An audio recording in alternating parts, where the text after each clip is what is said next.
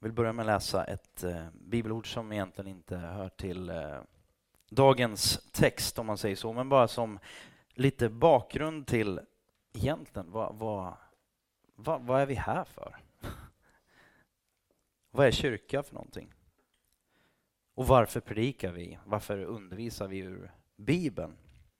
Rom, eh, förlåt, första Johannes brev, en av Jesu absolut bästa vänner skrev det här mot slutet av sitt liv brukar kallas för kärlekens apostel till exempel. Han skriver så här i kapitel 1, vers 5, bara den här versen. Detta är det budskap, och han syftar väl både på hans eget budskap som kommer senare i brevet, men liksom budskapet om Jesus Kristus. Detta är det budskap som vi har hört från honom, alltså Jesus, som vi berättar eller förkunnar för er. Att Gud är ljus och inget mörker finns i honom. Gud är bara god. finns ingen ondska, finns inget... Han har inte en räv bakom örat. Han, har inte, han är inte lömsk. Han försöker inte att vrida vår arm så att vi ska krossas eller eh, bara liksom trycka till oss. Utan eh, han är god, han är ljus och inget mörker finns i honom. Idag har vi kommit fram till, eller vi är rättare sagt inne i den texten redan, men vi har kommit fram till andra delen. Jag tycker fortfarande det är lite mörkt här. Jag vill att ljuset tas upp lite till, som vi Ja, det är lite så ojämnt, men, men ni som sitter där borta, Filip, du får liksom inte somna. Jag kommer att... You know. Vi har kommit fram till del två i undervisningen som, som, som Paulus ger då i ett av hans brev som kallas för Efesebrevet. Under hösten här så går vi igenom egentligen vers för vers eller stycke för stycke, för annars skulle det ta mycket längre än, än, än hösten. Sådär. Så kan man säga. Ehm, och just den här texten, Efesierbrevet 5, eh, om relationen mellan kvinnor och män och man-hustru är förmodligen en av de absolut mest omdebatterade och smaskiga texterna vi kan sätta tänderna i. Så att är ni hungriga? Eh, det är jag. Och eh, vi kommer ta det i alla fall. Bara en rolig story som jag, som jag hörde. Ehm, ett barn som frågar sin pappa. Vad är en man? Pappa, beskriv en man. Pappan svarade, en person som tar ansvar för sin familj, sitt hem och tar hand om dem. Då sa barnet, jag hoppas att jag en dag blir en mam som mamma. Det var lite roligt, bara för att liksom plocka lite poäng hos damerna här nu då. Här, skämt åsido. Eh, förra söndagen så började vi att titta på den här texten och, och lägga någon slags grund. Vi, vi, vi gick igenom, egentligen inte igenom eh, texten, utan vi la en, en grund och pratade om Guds originalplan. Eh, vad var Guds plan från början med relationen mellan man och kvinna? Vad, är, vad, liksom, vad var den ursprungliga tanken?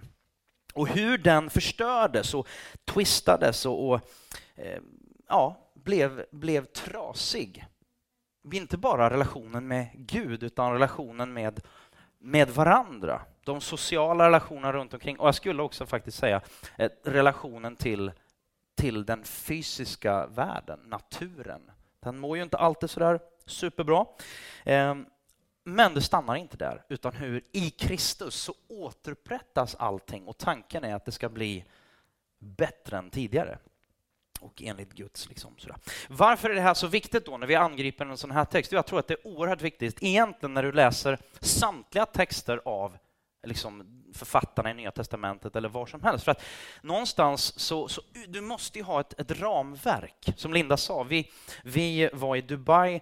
Där har man ett något annorlunda ramverk och något annorlunda point of references, speciellt om man kommer till kvinna-man-relation. Tunnelbanan, som inte är någon tunnelbana utan de är ovan jord. Ehm, så har du vagnar för kvinnor och vagnar för män separerade och så vidare och så vidare. Man har en helt annan ehm, ja, syn på saker och ting. Och ehm, jag tror att det är väldigt viktigt hur man, eh, hur man ser liksom bakgrunden. Och för att summera då, huvudpoängen då, eh, lite kort för er som inte var här förra söndagen. Jag kan bara uppmuntra er till att, att gå in och, och lyssna på den undervisningen, i så fall finns på vår hemsida.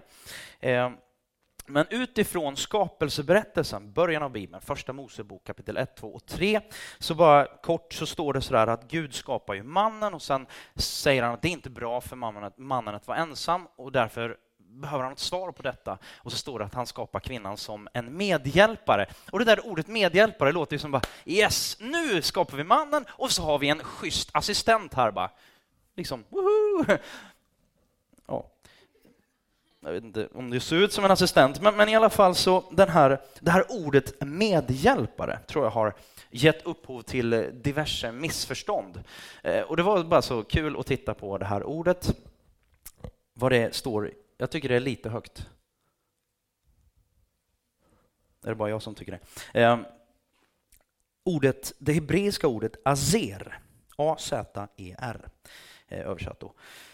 Det, det, används 21 gånger i Bibeln, 20 gånger förutom det här stället då, 20 gånger så används det för att beskriva Guds roll när Gud kommer ner och hjälper sitt folk, Israel. De har, de har, satt, de har trampat lite i klaveret, de har gjort bort sig, de har hamnat i trubbel. Då kommer Gud ner som deras azer, deras medhjälpare, deras hjälpare och lyfter dem upp och är svaret på deras liksom, problem. I nästa, då, tre gånger, så används ordet azer som liksom för att beskriva relationen till, tre stycken gånger, militärallierade nationer som kommer och hjälper Israels folk att liksom vinna och övervinna. Och det där är ju ingen, ingenstans beskrivningen av en slags assistent, utan någonting helt, helt annat. Eh, svaret på liksom, deras nöd. Och tittar man i, i evangelierna, en annan sak, som vi, det här med, med liksom fallet och, och, det som har blivit trasigt. Och så tittar man på lagen. Ja, men lagen säger ju vissa saker och till och med Jesus själv, eller till och med, eh, Jesus säger ju själv att kolla här, alltså ni har inte riktigt förstått det här att lagen är skriven in i en fallen värld. För fariséerna, de skriftlärda, prästerna, pastorerna, de, de, de, de sa ju så här, men vi, vi, vi kan ju skilja oss och, och, skriva ett skiljebrev. Då var det naturligtvis bara männen som kunde skriva ett skiljebrev till kvinnan. Kvinnan kunde inte göra det, hon var låst. Det var, liksom, det var, det var fast så. Eh, och då, då, då, står det, men Mose har ju sagt att vi kan göra det, här måste ju vara Guds vilja. Och då säger han, det är för att ni är tröga. Det är för att ni är hårdnackade, hårdhjärtade. För så var det inte från början, säger han. Alltså förhåller sig lagen, och jag skulle säga Paulus, definitivt situationsanpassad. Därför är det så viktigt att, att läsa de här breven, evangelierna. Du kan titta på de fyra evangelierna, de synoptiska evangelierna, alltså olika evangelium. Eller rättare sagt, samma evangelium skrivet till olika folkgrupper eller målgrupper. Jättetydligt och viktigt. Ehm, Om man tar liksom eh, Johannes tar för givet eh, viss kunskap när han skriver och så vidare, som var självklart för, för judarna och så vidare.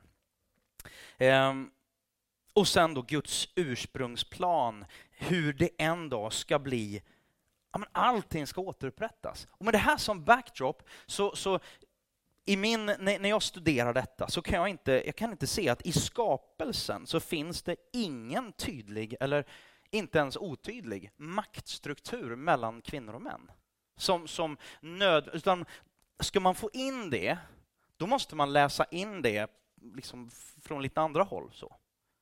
Men rent i Guds ursprungsplan så, så är det ganska svårt att hitta det. Um, man kan gå in jättemycket mer på det, men nu ska vi gå in i del två. Är ni med? Då, då är det ändå en viktig fråga här i Efesierbrevet 5. Vad är det Paulus verkligen vill kommunicera? Vad är det han vill säga? Vad är det som är så viktigt att han skriver ett brev? Vi ska läsa Efesierbrevet 5, 21-25, vilket är dagens text. Underordna er varandra i Kristi fruktan. Ni hustrur, underordna er era män, så som ni underordnar er Herren. Ty en man är sin hustrus huvud, liksom Kristus är församlingens huvud. Han som är frälsare för sin kropp. Som församlingen underordnar sig Kristus skall hustrun i allt underordna sig sin man. Ni män, älska era hustrur så som Kristus har älskat församlingen och offrat sig för den. Två nyckelord, eh, två ord som poppar ut, som står ut ganska så, så tydligt.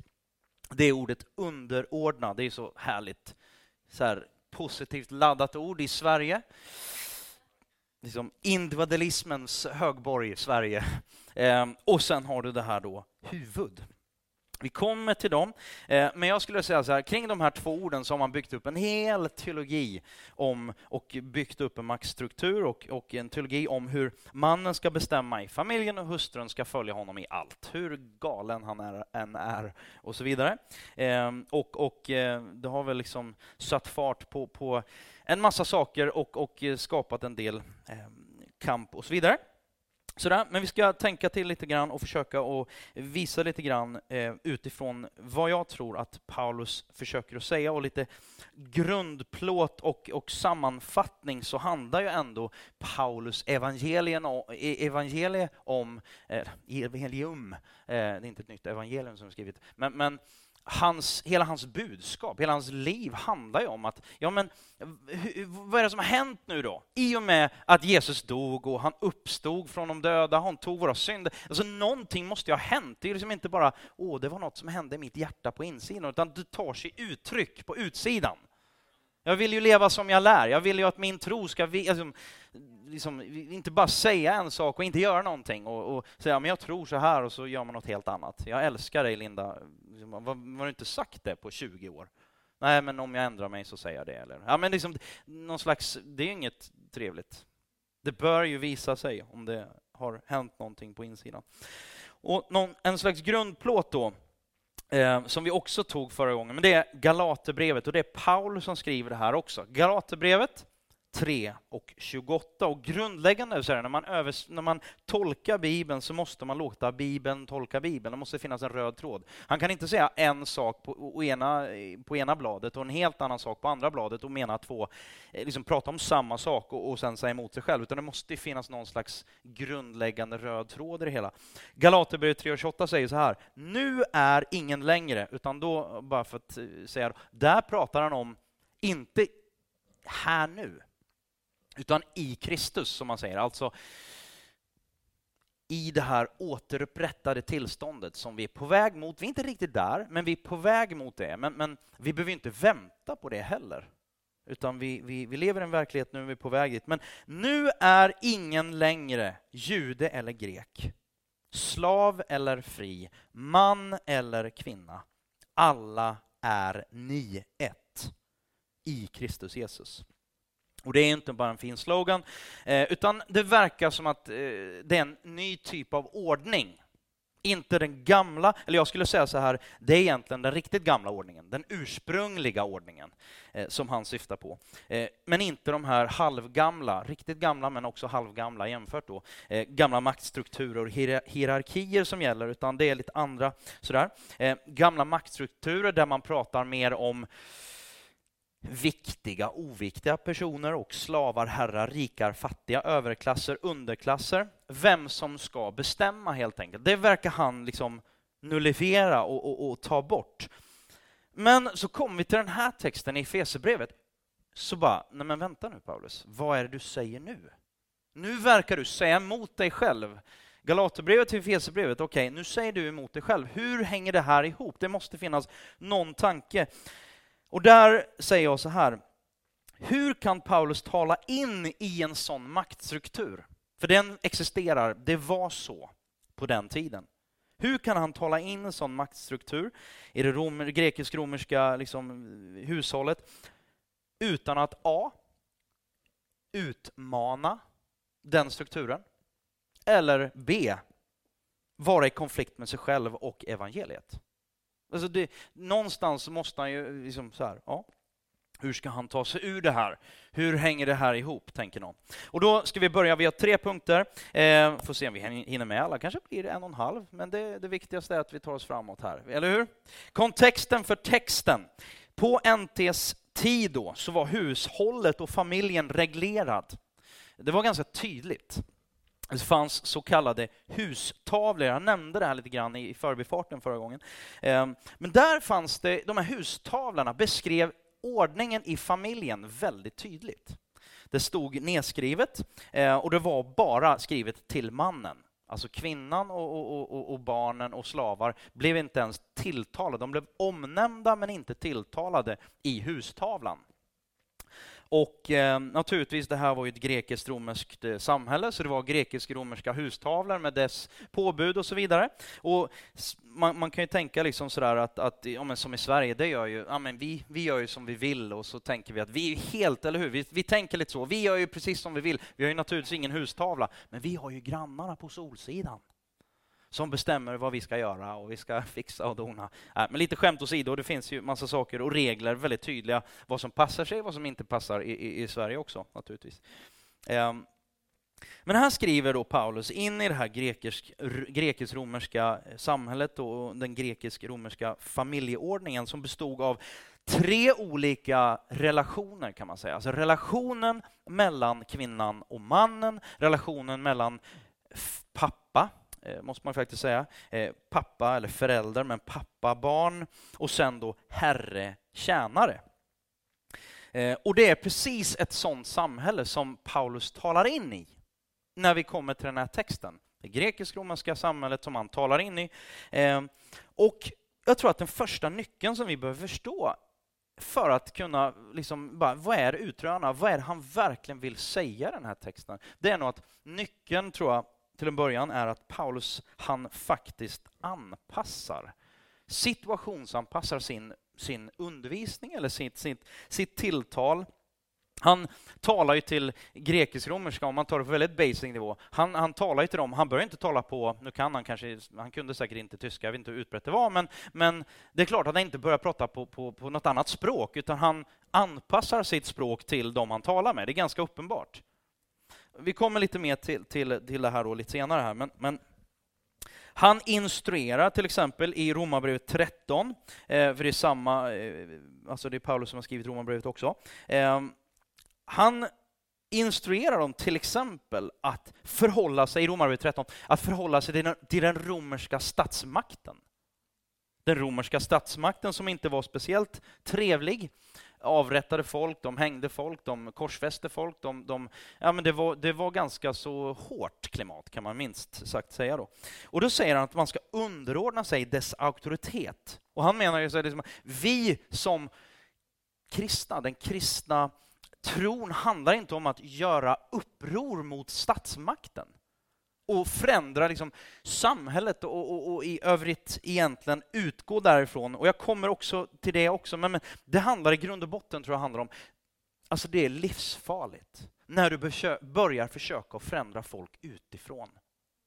Förändra folks beteende, men hjärtat är detsamma. Kristus går inifrån och ut. Det är bara hjärtat. Det är först hjärtat, sen kommer det ta sig uttryck. Det är så Guds rike kommer. Det kommer inifrån och ut. Inte om du förändrar det här beteendet. I många kyrkor så har det handlat väldigt mycket om beteende. Du måste göra det här, du får inte göra det här. Jag tror att det är helt fel att börja där. Jag menar till exempel, skäl inte, slåss inte, ljug inte. Är det där bra saker? Ja, det är bra saker. Men grejen är den att du kan inte börja där. Jag tror inte på att börja där, bara gå omkring hela livet och bara jag måste göra det där, jag måste göra det där. Därför säger Jesus, det måste börja med att du älskar, för då kommer du uppfylla de där sakerna. Om du älskar kommer du inte att ljuga, om du älskar kommer du inte att stjäla, om du älskar kommer du inte att trycka ner någon annan. Då kommer du, då kommer du leva för någon annan. Det måste börja inifrån och gå ut. Och det är precis det som är grejen. Jag tror att det är en, en nyckel. Det är evangelium. Och det är därför han menar, alltså, du kan faktiskt leva i en totalitär liksom, regimstat som, som pryglar folk, som, som förföljer kristna, som, som gör en massa saker och på något sätt underordna sig Även om liksom, den här totalitära staten och dess, dess ehm, ja, budskap och, och, och regim är anti antigott, antikristligt, antievangeliskt. Så säger han ändå, underordna er. Vi kan leva som kristna i det här. Det här trasiga systemet som är helt flippat, men vi kan det. Vi måste kunna leva inifrån och ut, mitt i alla de här situationerna.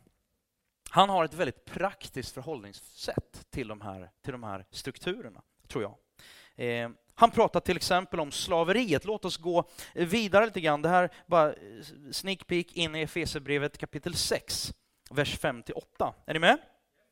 Det pratar om slaveriet och hur kristna slavar ska förhålla sig till sina jordiska herrar och till sina eh, slavherrar. Eh, ni slavar, lyd era jordiska herrar. Visa dem respekt och vördnad och uppriktigt, av uppriktigt hjärta, så som ni lyder Kristus. Var inte ögontjänare som försöker ställa, ställa sig in hos människor, utan vara Kristi slavar, som helhjärtat gör Guds vilja. Tjäna villigt som ni gör när ni tjänar Herren och inte människor. Ni vet ju att var och en som gör något gott ska få sin lön av Herren, vare sig han är slav eller fri. Om ni herrar eh, och ni herrar handlar på samma sätt som eh, mot era slavar och upphör med att hota. Ni vet att de har samma Herre i himlen som ni och han gör inte skillnad på människor. Där har vi det igen. What is wrong with you Paulus? Liksom, vad, det, det går inte, alltså bara det där går inte ihop. Du säger du gör inte, Gud gör inte skillnad på folk, ändå säger att, du ska, att vi ska underordna oss. Liksom, det, det, någonting verkar fel, eller så har vi inte riktigt förstått kanske. Han, Gud, gör inte skillnad på människor. Jag menar att det här återigen pekar tydligt på att Gud håller inte på att uppfinna massa maktstrukturer. Det är inte hans fokus bara. Det är svaret på världens frågor, det är maktstrukturen. Mannen ska leda familjen och kvinnan ska underordna sig. Hon ska följa. Och liksom så här, det, det är det stora budskapet i det hela. Det tror inte jag.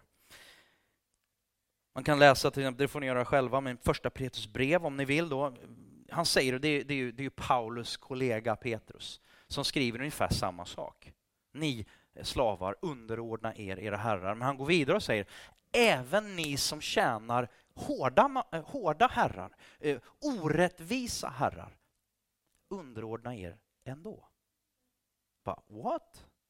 Är Paulus för slaveriet? Svar nej. Vill han införa, återinföra, bara, vi läser det, ja, men vi ska, nog, vi ska nog återinföra slaveriet för att, så att vi kan göra det här som han säger. Jag tror inte att det är poängen, jag tror inte någon bibelforskare, bibellärare skulle gå med på det. Vi tror inte att slaveriet är en bra sak, det är en dålig sak och är i opposition mot evangeliet. För evangelium handlar om att sätta människor fria, inte binda människor väldigt så grundläggande. Slav eller fri, alltså maktstrukturer och, och, och, och, den typen av maktstruktur som fanns i familjen, det var ju nästan, alltså jag skulle, det är mitt ord, men att objektivisera människor, objektivisera barnen, objektivisera eh, eh, slavarna, objektivisera hustrun. Hade ingen egen talan, var bara liksom mest objekt som skulle göra. Mannen härskade och mannen styrde. Eh, och, och eh, slutsatsen där då, att eh, jag tror inte på samma sätt Eh, om man tittar då på, på liksom, eh, äktenskapsstrukturen av samma anledning tror jag inte att den grekisk-romerska äktenskaps eller familjestrukturen är på, på något sätt gud, gudainstiftat och eh, något gudagivet. Utan eh, någonting lite annat. Eh, lite grann om den här hustavlan och ordningen det var ju knappast en, en, alltså i familjen, knappast en demokratisk ordning. Ingen annan än mannen i huset hade ju liksom någon auktoritet. Eh, på, på latin då, pater familias. Han är allsmäktig fader i familjen. Han, hade, eh, han var den enda som egentligen hade några rättigheter. Andra hade mest skyldigheter att följa.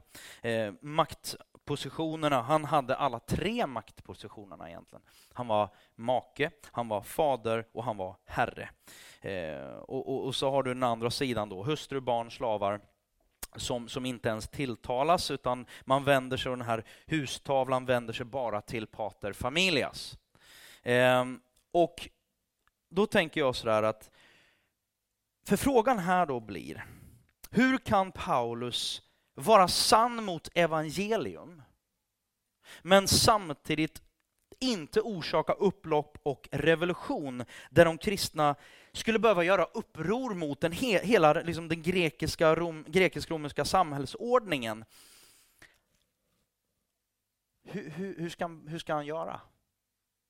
Även lärjungarna, alltså Jesu bästa vänner, de väntade ju. Det framgår ju sen när han, när han dör så blir de helt förvirrade. Bara, vad hände? Han sa ju att han var den nya kungen och vi trodde han var den nya kungen och, och att han skulle störta det dåvarande romarriket och han skulle ta över. Och Jesus bara, ni har inte fattat någonting. Jag är kung av ett annat rike. Vi ska inte alls störta någon. Vi kommer på ett helt annat sätt. Och de bara, mm, vad händer? Det var på ett annat plan. Eh, och här menar jag att det här måste man ta med sig. För annars blir den här då, hur ska han kunna göra evangeliet rätta utan att orsaka upplopp, eh, ja, egentligen orsaka en, en, en revolution som inte är poängen utan underordna sig. Och då menar jag här, återigen så ger han svaret. Svaret är kärlek. Det är det som är svaret, hela tiden. Vad menar jag med det? Jo, jag menar att det måste komma inifrån. Egentligen, det radikala, ja nu går jag lite före mig själv, men egentligen det radikala är inte, ja kvinnan du ska underordna din man. Hade han inte sagt det, då hade han nästan ställt hela samhället på ända. Det gör han ändå, i och med det nästa som kommer. Du som man, älska din hustru så som Kristus har älskat församlingen. Helt plötsligt så bara, alltså ömsesidigt underordnande och att mannen ska tjäna och älska och offra och ge sitt liv för hustrun.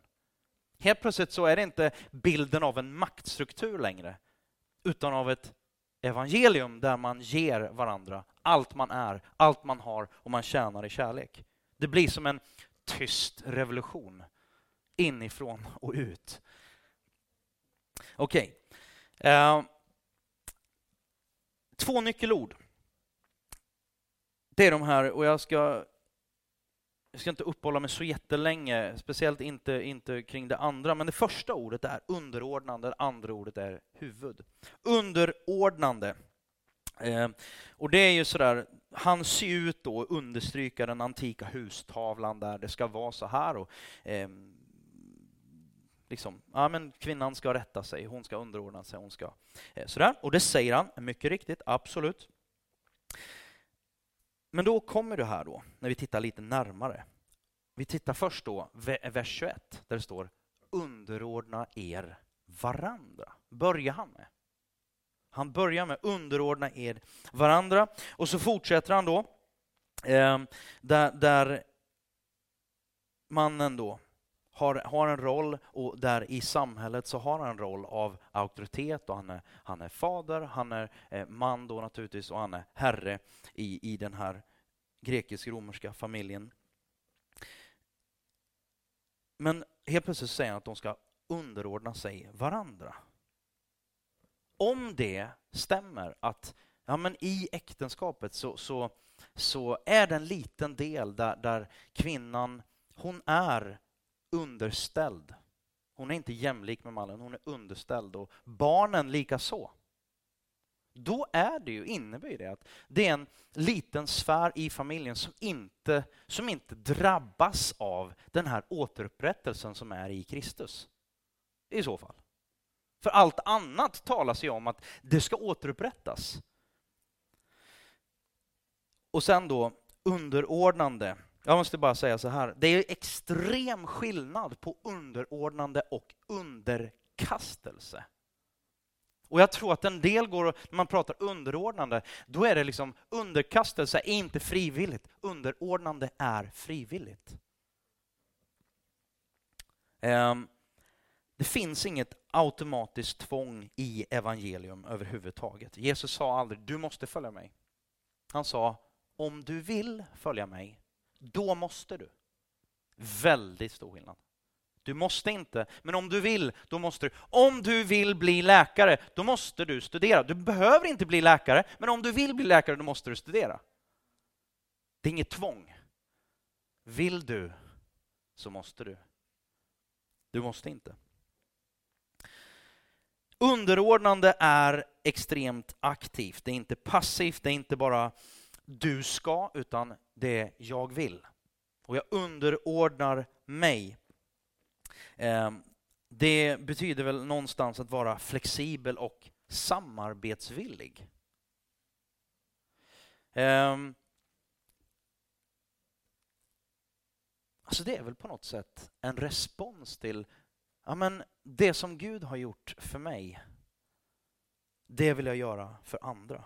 Jag underordnar mig. Han tjänade, han gick ner på, han kom till jorden, han blev människa, han, han levde bland oss. Han tog våra synder, han underordnade sig oss på det sättet och lyfte oss upp. Mannen och hustrun ska underordna sig varandra, står det. Underordna er alla varandra. Det är inte bara äktenskapet, utan bröder, systrar, eh, folk runt omkring. Alltså vi ska underordna oss varandra. Vi ska tjäna varandra. Ehm, ni män, älska era hustrur, vers 25. Så som Kristus har älskat församlingen och offrat sig för den. Alltså, självklart, eller visserligen är det så, verbet underordna sig används bara i just den här texten om kvinnan. Men om man tittar då på eh, vad, vad, mannens eh, uppgift blir, så är den efter, alltså efterlikna Kristi självuppoffrande kärlek, som knappast ger associationer till maktmissbruk eller maktstruktur. Maktstruktur är ju inte samma sak som maktmissbruk, jag är medveten om det. Men liksom, det är ju inte, alltså det är inte så här, åh, jag tänker automatiskt på makt. Utan jag tänker på Jesus som dog för oss. Tjänade självuppoffrande kärlek. Det är ju något helt, helt annorlunda. Vers 28 då. På samma sätt är mannen skyldig att älska sin hustru som sin egen kropp. Den som älskar sin hustru älskar sig själv. Och vad är det för kärlek han pratar om? Är det att, att eh, han eh, liksom pytsar till henne lite pengar då och då, eller vad, liksom, vad, vad är det för typ av kärlek? Vad är det för typ av... Ja, då måste vi titta på Kristus. Han gav sitt liv. Han gav sitt allt. Han satte församlingen först. Det var därför han, liksom, hans existens på det sättet handlade om att lyfta upp församlingen. Så radikalt självuppoffrande kärlek, knappast mycket om, eh, liksom, den här texten handlar inte så mycket om Kristi makt, även om han är väldigt mäktig. Eller hur? Absolut. Eh, och kort då om mannen som huvud. Då finns det ju två olika alternativ här om man tittar på, på vad, vad, hur huvud, och jag ska inte prata så mycket om det här, ni kan, ni kan studera vidare om det själva så om ni är intresserade, men bara för att nämna något kort om det. Så antingen kan du välja att prata om huvud och se huvud som auktoritet, vilket är det vanliga tror jag. I, i våran, vi tänker bara head of department, det är ganska lätt att liksom tänka, tänka de termerna. Men det andra man kan titta på då, det är att välja, och, och vi kan läsa några bibelord på det, och det är ursprung, huvud som ursprunget, som källan. Anatomikunskapen på den tiden var kanske inte riktigt lika välutvecklad som den är idag. Man tänkte att livet kom från huvudet. Det var liksom så här, det var ganska, det var inget konstigt, så kan man ju säga. Tråkigt med någon som inte har ett huvud, det blir inte så mycket liv. Eh, men, men eh, sådär. Och eh, man skulle behöva väldigt mycket tid tror jag för att, för att verkligen göra det här rättvisa. Så jag ska inte ens gå in på det utan att läsa två stycken bibeltexter. Efesierbrevet 4, så vi går tillbaka, vi backar ett kapitel. Jag tänker det är bra att utgå från något, något skriftställe i samma bok där man använder liksom ordet huvud. Vi läser det igen, eh, eh kapitel 4, vers 15-16. Är ni med? Nej, låt oss i kärlek hålla fast vid sanningen och växa i alla avseenden så att vi förenas med honom som är huvudet, Kristus. Han låter hela kroppen fogas samman och hållas ihop genom att lederna hjälper och stöder med just den kraft han ger, livgivaren. ger åt varje del, då växer hela kroppen till och byggs upp i kärlek. Det var liksom sådär, huvudet används där. Man skulle fortfarande kunna säga att det, det liksom handlar om auktoritet. Men Kolosserbrevet 2.19 säger så här. Eh, och håller sig inte till honom som är huvudet och som försörjer hela kroppen och binder ihop den med leder och senor så att den växer som Gud vill. Huvudet som livgivare, huvudet som, som försörjare. En liten annan eh, betoning, liten annan, liksom, från en annan dimension. Men egentligen så tycker jag så här att man behöver egentligen inte prata så mycket om det, för att eh, det räcker med att prata om underordnande och, där har du mycket av, av svaret, tänker jag. Eh, och så tredje och sista punkten då, vad betyder det här för oss idag? Jag tänker så här, om vi blir fullständigt fria från, från maktstrukturer och eller maktstrukturer, från makt och hierarkier inom äktenskapet, så tror jag att vi kanske kommer ha bättre, mer ödmjuka relationer inom äktenskapen. Ehm, vi har inte längre något behov av en man som agerar som någon patriarkal fader som ska bestämma allting och eh, relationen till sin hustru liksom, ja, ska sätta henne på plats och så vidare. Och en man som alltid ska ha sista ordet. Det intressanta är att många som, som även har, har tolkat Bibeln på det här sättet har ju inte levt så i verkligheten, för det funkar inte jättebra. Eller? Det är klart att man har olika roller. Någon som är duktig eh, på ekonomi, ja men det kanske den, det, det, kvinnan, hustrun är duktig på ekonomi, ja men shoot. Mannen är hur duktig som helst på fixa bilen eller designa huset eller liksom måla eller laga mat eller alltså relation snarare än struktur eller hierarki. Tänk istället att ha kvar en intim kärleksrelation som baseras på ömsesidigt underordnande. Eh, jag skrev så här, eller jag tänkte, tänkte på det så här att i dagens, dagens samhälle så är det ju lätt att tänka så här, ah, men vad skönt, vi är ju, vi är ju där. Vi har det ju så. Vi lever ju i Sverige, det mest, mest liksom jämställda landet i, i, i världen, tror jag någon, någon har sagt. Jag vet inte riktigt hur det är med den saken. Men då tänker vi så här, ah, men vi har kommit så långt. Men jag skulle säga så här, vi vi, vi tänker ju inte ömsesidigt underordnande.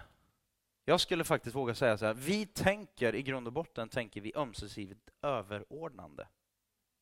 Vad menar jag med det? Jo, jag tänker att i Sverige så är det väldigt viktigt. Jag har rätt och jag står upp för min rätt. Om båda står upp för sin rätt så blir det här väldigt bra, tänker vi.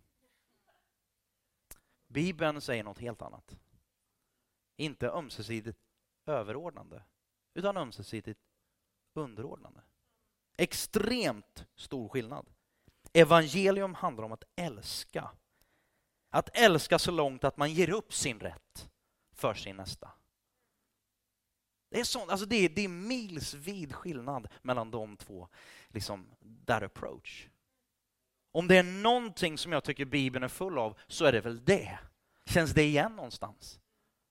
Inte ens Jesus själv, Guds son, kom ner för att bara, jag ska ha, du ska. Utan han steg ner som en tjänare. Vad behöver en tjänare göra? Jo, han behöver underordna sig. Helt enormt. jag blev så glad när jag, när jag tänkte på det. För att, tänk vilken kärleksrelation. Om, om det är jag vet inte vad statistiken är, men någonstans 52, 53, 55 procent av äktenskapen i Sverige som, som brister. Säger jag att det är lätt? Ja, men vi läser det här så blir allting lätt. Nej, det är svårt.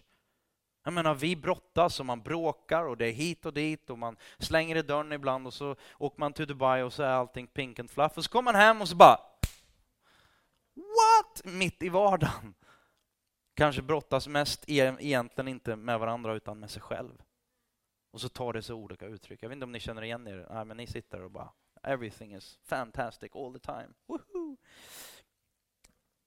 Men jag tror att det skulle vara lite lättare om man hade ett helt annat fokus. Och fokuset är inte bara på ge mig, utan vad kan jag ge? Tänk i en relation, tänk ditt äktenskap där man inte fokuserar på jag vill ha så mycket jag bara kan. Och när du inte längre kan ge mig det jag vill ha, fuck off. Nu bara dra dit, pepparn växer. Och så hittar jag en ny på eh, liksom Best Buy. Men jag, liksom, vad heter de? Dating.com. Ja, Best Buy var en elektronikgrej. Eh, Skitsamma. Så här. Ja. Så, så fallen är jag. Ja, precis. Alltså grejen är så här, vad, vad, vad har vi för grundvalar? Vad har vi för grundstrukturer, för grundvärderingar i våra liv? Det är väldigt intressant. Och jag bara älskar detta.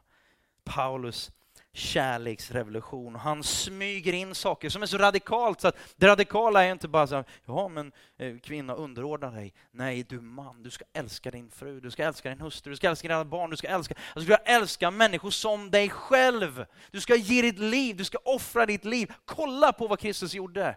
Så ska du bete dig i ditt hem. Helt plötsligt bara, oh oh. Det handlar inte om att bestämma, det handlar om att tjäna, det handlar om att älska. Det tror jag är Paulus hela tes, hela poäng och grundläggande budskap i, i hans evangelium, som han kallar det själv, men i evangelium om Jesus Kristus som Guds son. Kärlekens revolution.